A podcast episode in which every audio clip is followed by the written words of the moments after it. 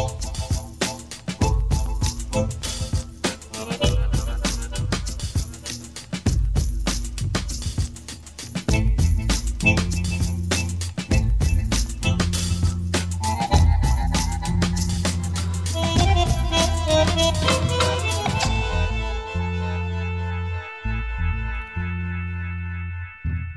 Gospođo Tasiva, pre nego što porazgovaramo o temama kojima svi bavite kao neko ko rukovodi transparentnošću u Makedoniji i vi ste i profesorka prava. Ja sam htela da vas zamolim samo za kratko prokomentarišete nešto što mogu da kažem da je utisak većine posetilaca našeg sajta kada misle Makedoniji. A obično je to da je Makedonija na neki način talac svojih suseda, da joj neko ne priznaje jezik, neko ne priznaje kulturu, neko joj ne priznaje ime, neko crkvu, jeli? Evo imali smo pre neki dan te obskurne izjave iz Bugarske da su Makedonci, Bugari koji žive u Makedoniji da su ugroženi, čak je ministar, ja mislim vojni, nazvao vašeg premijera Bugarinom koji sporo misli ili tako već nešto, nešto uvredljivo je rekao. Dakle, s jedne strane, dakle, kao taoca svojih suseda većine, a s druge strane kao jednu binacionalnu etnokrafsku državu u kojoj vlada neki, na neki način često pakt o nenapadanju između albanskih i e, makedonskih političkih elita i imali smo prošle nedelje zaista zabrinjavajuće slike sa skopskih e, ulica kada je velika grupa albanaca se bunila zbog presude u slučaju koji se zove Monstrum, to je ubistvo petorice pripadnika makedonske nacionalnosti 2012. godine i sada je konačno ta presuda doneta, neki ljudi su osuđeni na doživotnu robiju i jedan deo očigledno pripadnika albanske nacionalnosti smatra da je to suđenje zapravo svim Albancima. Da, Interesantno, uvek kad razgovaram sa nekim iz regiona, uvek je ova tema interesantna, kako je međuetničko, međuetnička postavljenost i kako je Makedonija u odnosu na susede. I ja su nam to na neki način pitanja koja, koja traju.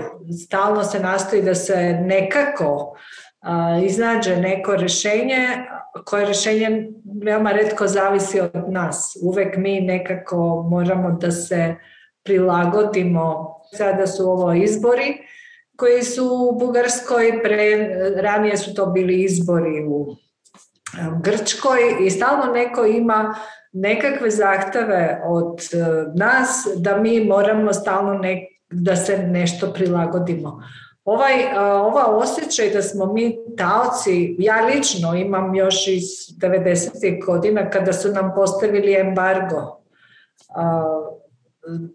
sa strane Grčke zato što nismo ili zbog imena i zbog svega ono što se dešavalo u našem regionu i to, to traje. Da, Nažalost, tome su se priklonili ili nisu znali da nađu pravi odgovor velike međunarodne organizacije, počevši od Ujedinjenih nacija.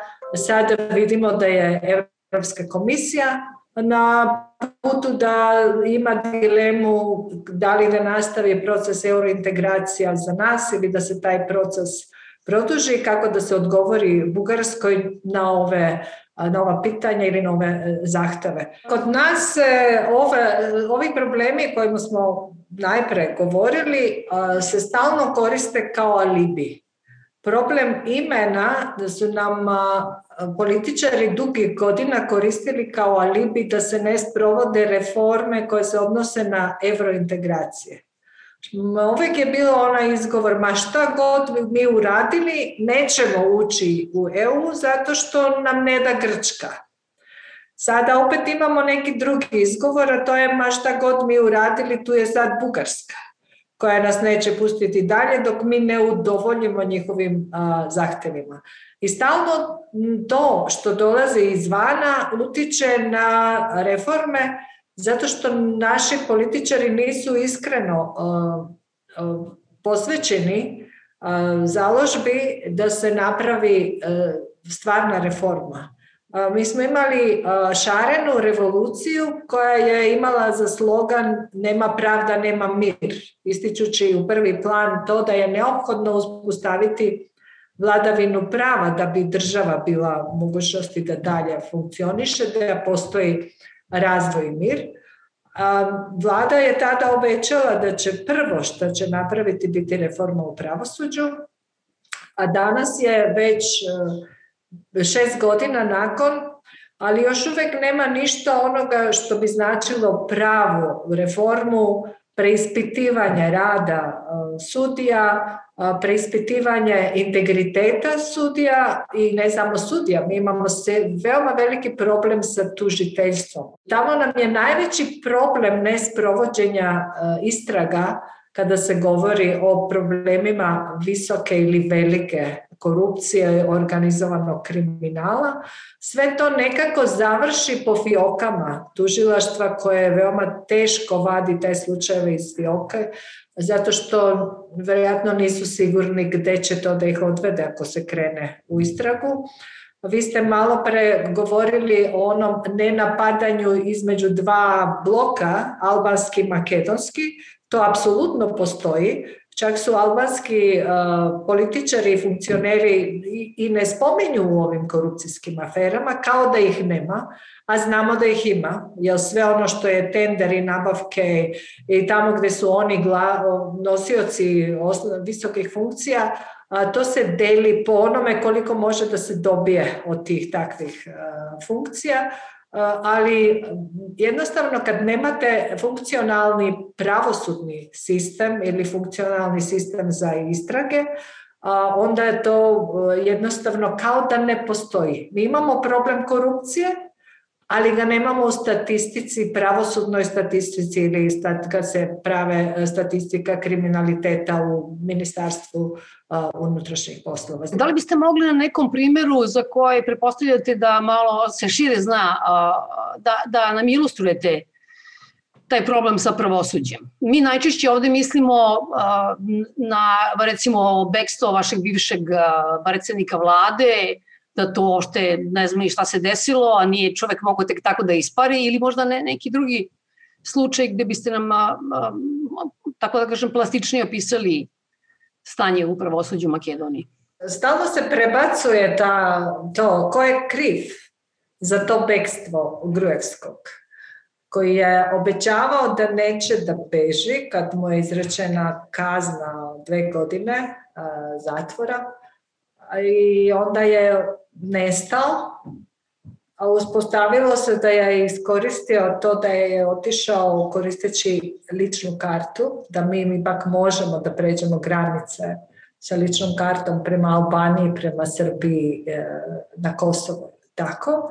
I da je završio tražeći politički azil u, i dobio je politički azil Mađarskoj je dobio politički azil zato što su oni ocenili da se protiv njega vodi politički proces. A problem u našem, nedavno smo imali još jedan takav slučaj koji je naš bivši direktor državne bezbednosti jednostavno nije bio dostupan da mu se uruči odluka i rešenje za pritvor, to je bilo neposredno pre izricanja presude. Sada je on osuđen prvo, prvostepenom presudom na 12 godina, ali je bio na neko vreme nestao.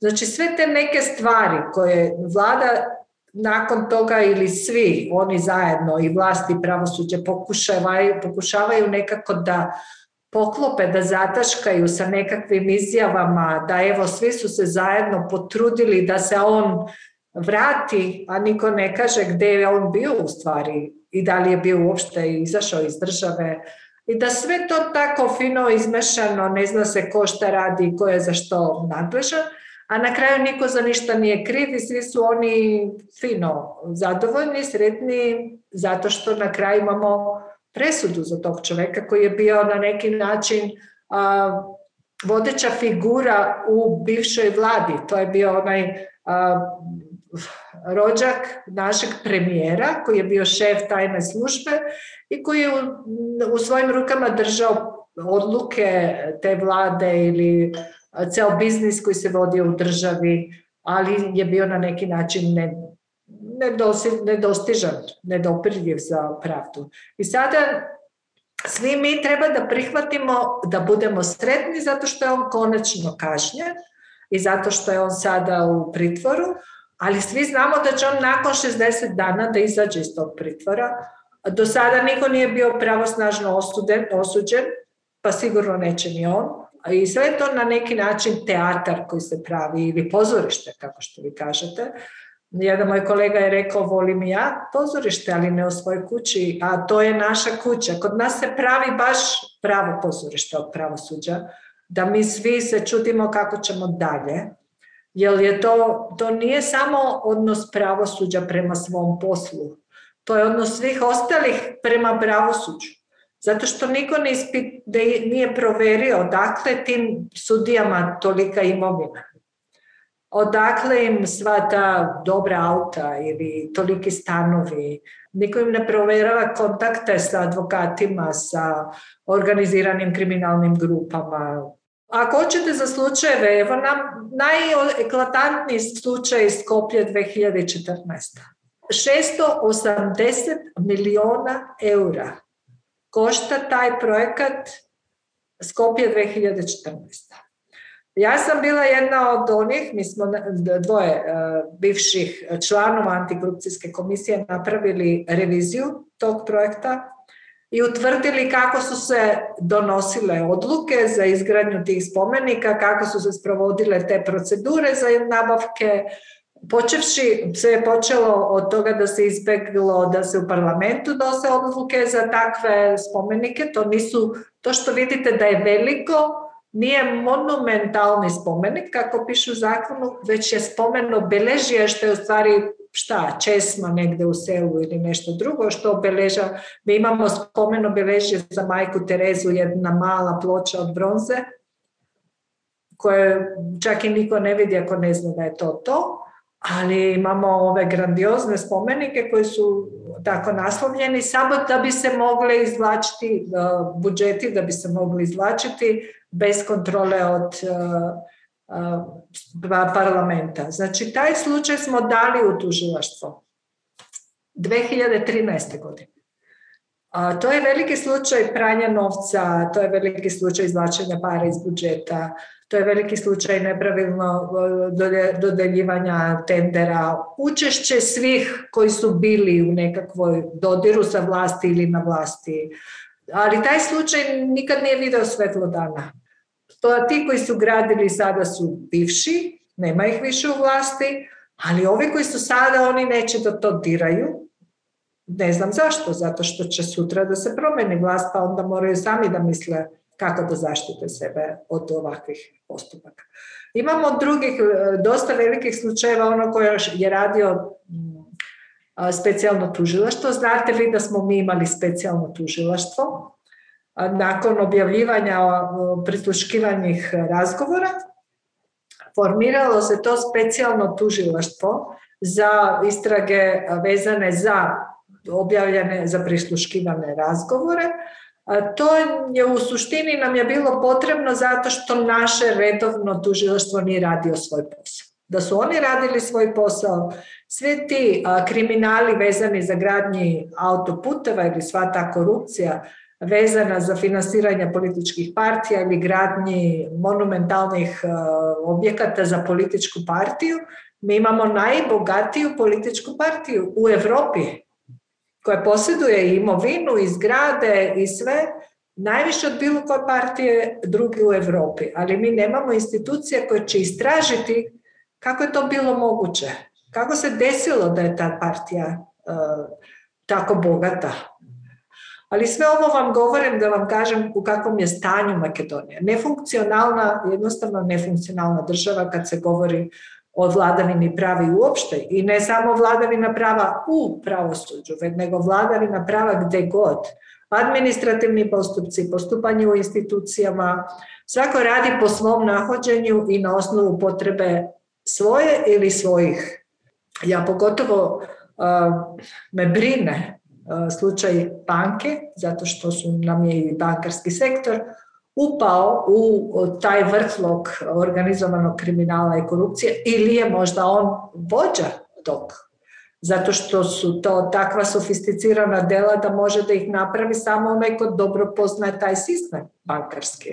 Mi smo počeli od jedne banke, ali kako nas je vodio slučaj i kako su se drugi ljudi prijavljivali nakon što su čuli o čemu to mi pričamo, da im i oni sami imaju takav problem, Pa je to sada slučaj banki u kojoj su obuhvaćene više banaka, a to je da se korišćenjem kompanija, koji su dobre kompanije, koji imaju bonitet i koji mogu da podrže kreditiranje, da se takve kompanije e, koriste, na početku se zamole da učine uslugu banci i nekoj, nekom od njenih dobrih klijenata, komitenata, zato što taj neko i ne može sada da uzme kredit, pa ajde sad da vam, vama ne treba, ali mi ćemo da vam damo i vi odmah date to kao pozajnicu onom drugom, pa taj drugi pošalje na, na neko treće mesto a, i tako, je, tako to krene sve do onog stupnja da vidi da da se vidi da se to u stvari na kraju prestane vraćati, zato što kad vi date, se sa, složite sa tim, vi date svoj imot kao e, zalog ili menice koje se dalje koriste, vi morate da vratite kamate i na, kad se to sve svede na to da, vam, da vas oni na kraju zaborave pa vam ne vraćaju novac, ili a, vidite da vi niste bili ni svesni da su vam dali kredit i on vam nisu ni rekli, smatraju da to tako jednostavno sada može. I onda vidite, to je, kad govorimo o 12. i 11. godini, a, nakon što uzmete izvod iz banke, da vam je preko računa prošla neka velika suma i otišla tamo negde i da na kraju to treba vi da vratite, pa da li će vam neko vratiti ili ne Ali naše analize su pokazale da su ta lica koje su, za, koje, za čiji interes su te pare izvlačene, da su to lica koje su povezana sa tim bankama. Kapitalno, personalno, to su bili uh, akcioneri, članovi nadzornih odbora i tela u bankama. A postoji ta regulativa da oni ne mogu da se kreditiraju sa više od 25% kapitala banke i onda su oni koristili ovo kao premost, neko ko će pre, preko koga će premostiti to. Niko ih neće, a to moraju da prijeve u Narodnu banku, da su finansirali više od 25% povezana lica i tako su oni koristili te kompanije.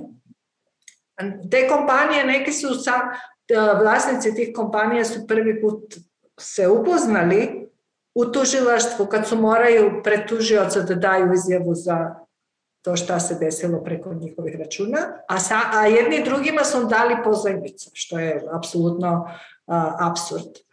I ono što me brine u ovoj situaciji, u ovoj priči, ovo je velika priča, a, bila sam dva puta na razgovor sa guvernerkom za ovu priču, zato što onak, njih zanima šta se to izdešavalo. A mi smo napravili velike izveštaje, čak i jedan koji se radio vani, ima više od hiljadu stranica. Ono što nas brine je što niko neće to da reši, taj slučaj. Pokušali smo, dali slučaj u tužiteljstvo, u, u tužilaštvo, razgovarali sa e, jedno, jednim tužiocem. U trenutku kad je bio pozvan direktor te banke na razgovor kod tužioca, tužioc je bio smenjen od pošla, poslat na drugo radno mesto, a sada se slučaj čuva u, tuži, u tužilaštvu, niko ništa ne radi, a velike su štete i deša, des, desilo se sada pred dva, tri meseca da nam je jedna banka zatvorena, a kada čujemo vlasnika te banke kako govori, kako su njega od drugih banaka e, koristili njegovu banku za takav tip pozajmica, onda mi vidimo modus operandi, način na koji se rade taj, ti tipovi a, transakcija i kriminala. Ali s druge strane, te iste banke kupuju državne obveznice kada državi trebaju pare. Te iste banke finansiraju političke partije. Te iste banke su vezane za vlast. I tu imaš onaj um, krug koji neko treba da razbije, neko ko će hteti da se stvori zdrava država. I zdravo društvo, i zdrava ekonomija, i zdrava politika, sve je zasnovano na, na tim financijama i mislim da smo svi mi založnici u stvari tih banaka, jer nam oni kontroliraju sve, od visinu kamata na kreditima pa do investicija i, i ekonomije. Smena vlasti koja se dogodila u Makedoniji nije obična. Dakle, sećamo se tih velikih protesta, šarene revolucije, gospodin Zajev je relativno brzo počeo da govori o pomirenju, o pomilovanju i tako dalje. Kako vi objašnjavate da takva dramatična promena nije dovela, što često se inače dešava, do, tako da kažem, vendete prema a, bivšim a, vladaocima, jeli, od Grujevskog pa nadalje, nego ti ljudi koji su sa, zajedno sa Gruenskim napravili svih tih godina to što su napravili, budu prilično bezbedni tako da kažem, i u sad, sadašnjoj Makedoniji, posle promene vlasti. Pa da, oni su prilično bezbedni, a Grujevski je uspeo da pobegne od izdržavanja kazne, što bi svakako bilo trofej za ovu vladu, da imamo bivšeg premijera na izdržavanju kazne od dve godina, sad je već i to vreme proteklo. Da, on komotno živi u Mađarskoj. Jedino koje je sada na efektivno izdržavanje kazne zatvora jeste ministrica unutrašnjih poslova u prošloj vladi koja je bila dosta isturena u svim aktivnostima te vlade, ali svi su ostali e, izvan domašaja, izvan dohvata Sada nam je i bivši direktor kontrabava službe Mijalkov u e, pritvoru. Niko od nas ne očekuje da će on e, na kraju efektivno izdržavati tu kaznu zatvora. I upravo ste kad kažete da su ovi sada prilično komotni. Već se čuje izme, ono, okolo, u kolarima da su da je ova vlast jednostavno legla na režim ili prihvatila taj režim koji su ovi drugi uspostavili, zato što i njima tako odgovara, zato što im je udobno i komotno. Znači nismo dobili ono što smo očekivali od ove vlade i oni to znaju. Ta poruka, poruka je već stigla od e, građana, od svih strana, da su očekivanja bila veća i da nisu isporučili ono što su obećali, i valjda će to biti još jedna lekcija e, kao što je bilo ono rezultat indeksa za percepciju korupcije kad smo se našli na 111. mjestu, to je bilo na neki način e, silna poruka za osvešćavanje. Nadam se da će i sve od druge poruke od građana stići tamo da bi se na vreme nešto korigiralo. Koliko je primetno u Makedoniji, po vašem mišljenju, da, pošto ste vi i, i predavač na fakultetu, da, da mlađi ljudi radije se pakuju i idu nego što pokušavaju da se bore za, za pristojniju državu?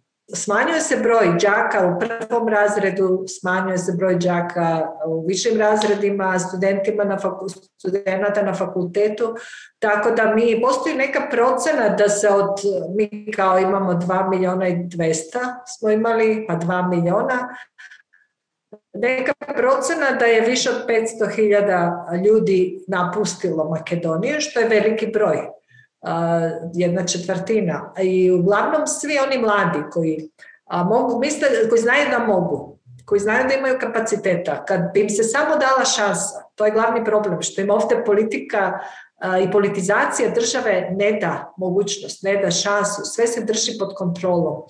I još i s ovim ekonomskim kriminalom veoma su niske plate i nema mogućnosti za razvoj i sve nekako um, zarobljeno i dole, um, mladi jednostavno napuštaju, traže svoje uh, uslove, bolje uslove za život negde na drugom mestu i reći si da ne postoji porodica uh, od svih mojih prijatelja uh, bar po jedno dete nije ovde u državi. Svi su negde, svi imamo neko dete negde u nekoj drugoj e, državi gde e, oni jednostavno vode normalan život. Sve imamo jedan život. Neko ostaje ovde da se bori za bolje svih, ali e, oni koji su otišli naravno da imaju pravo na to da vode svoj život kako im odgovara. Mnogo vam hvala na ovom razgovoru. Želim vam svu sreću, treba ćemo. I da dobijete vakcinu i vi uskoro ako može nekako. Oh, nemojte nam to pitanje, vidite da nije bila Srbija naš dobri sused, mi ne bi dobili ni tih 5000 za zdravstvene radnike. Još uvek nemamo ni jednu vakcinu, što je zastrašujuće, s obzirom na to da nam se broj e, zaraženih ljudi svakim danom povećava.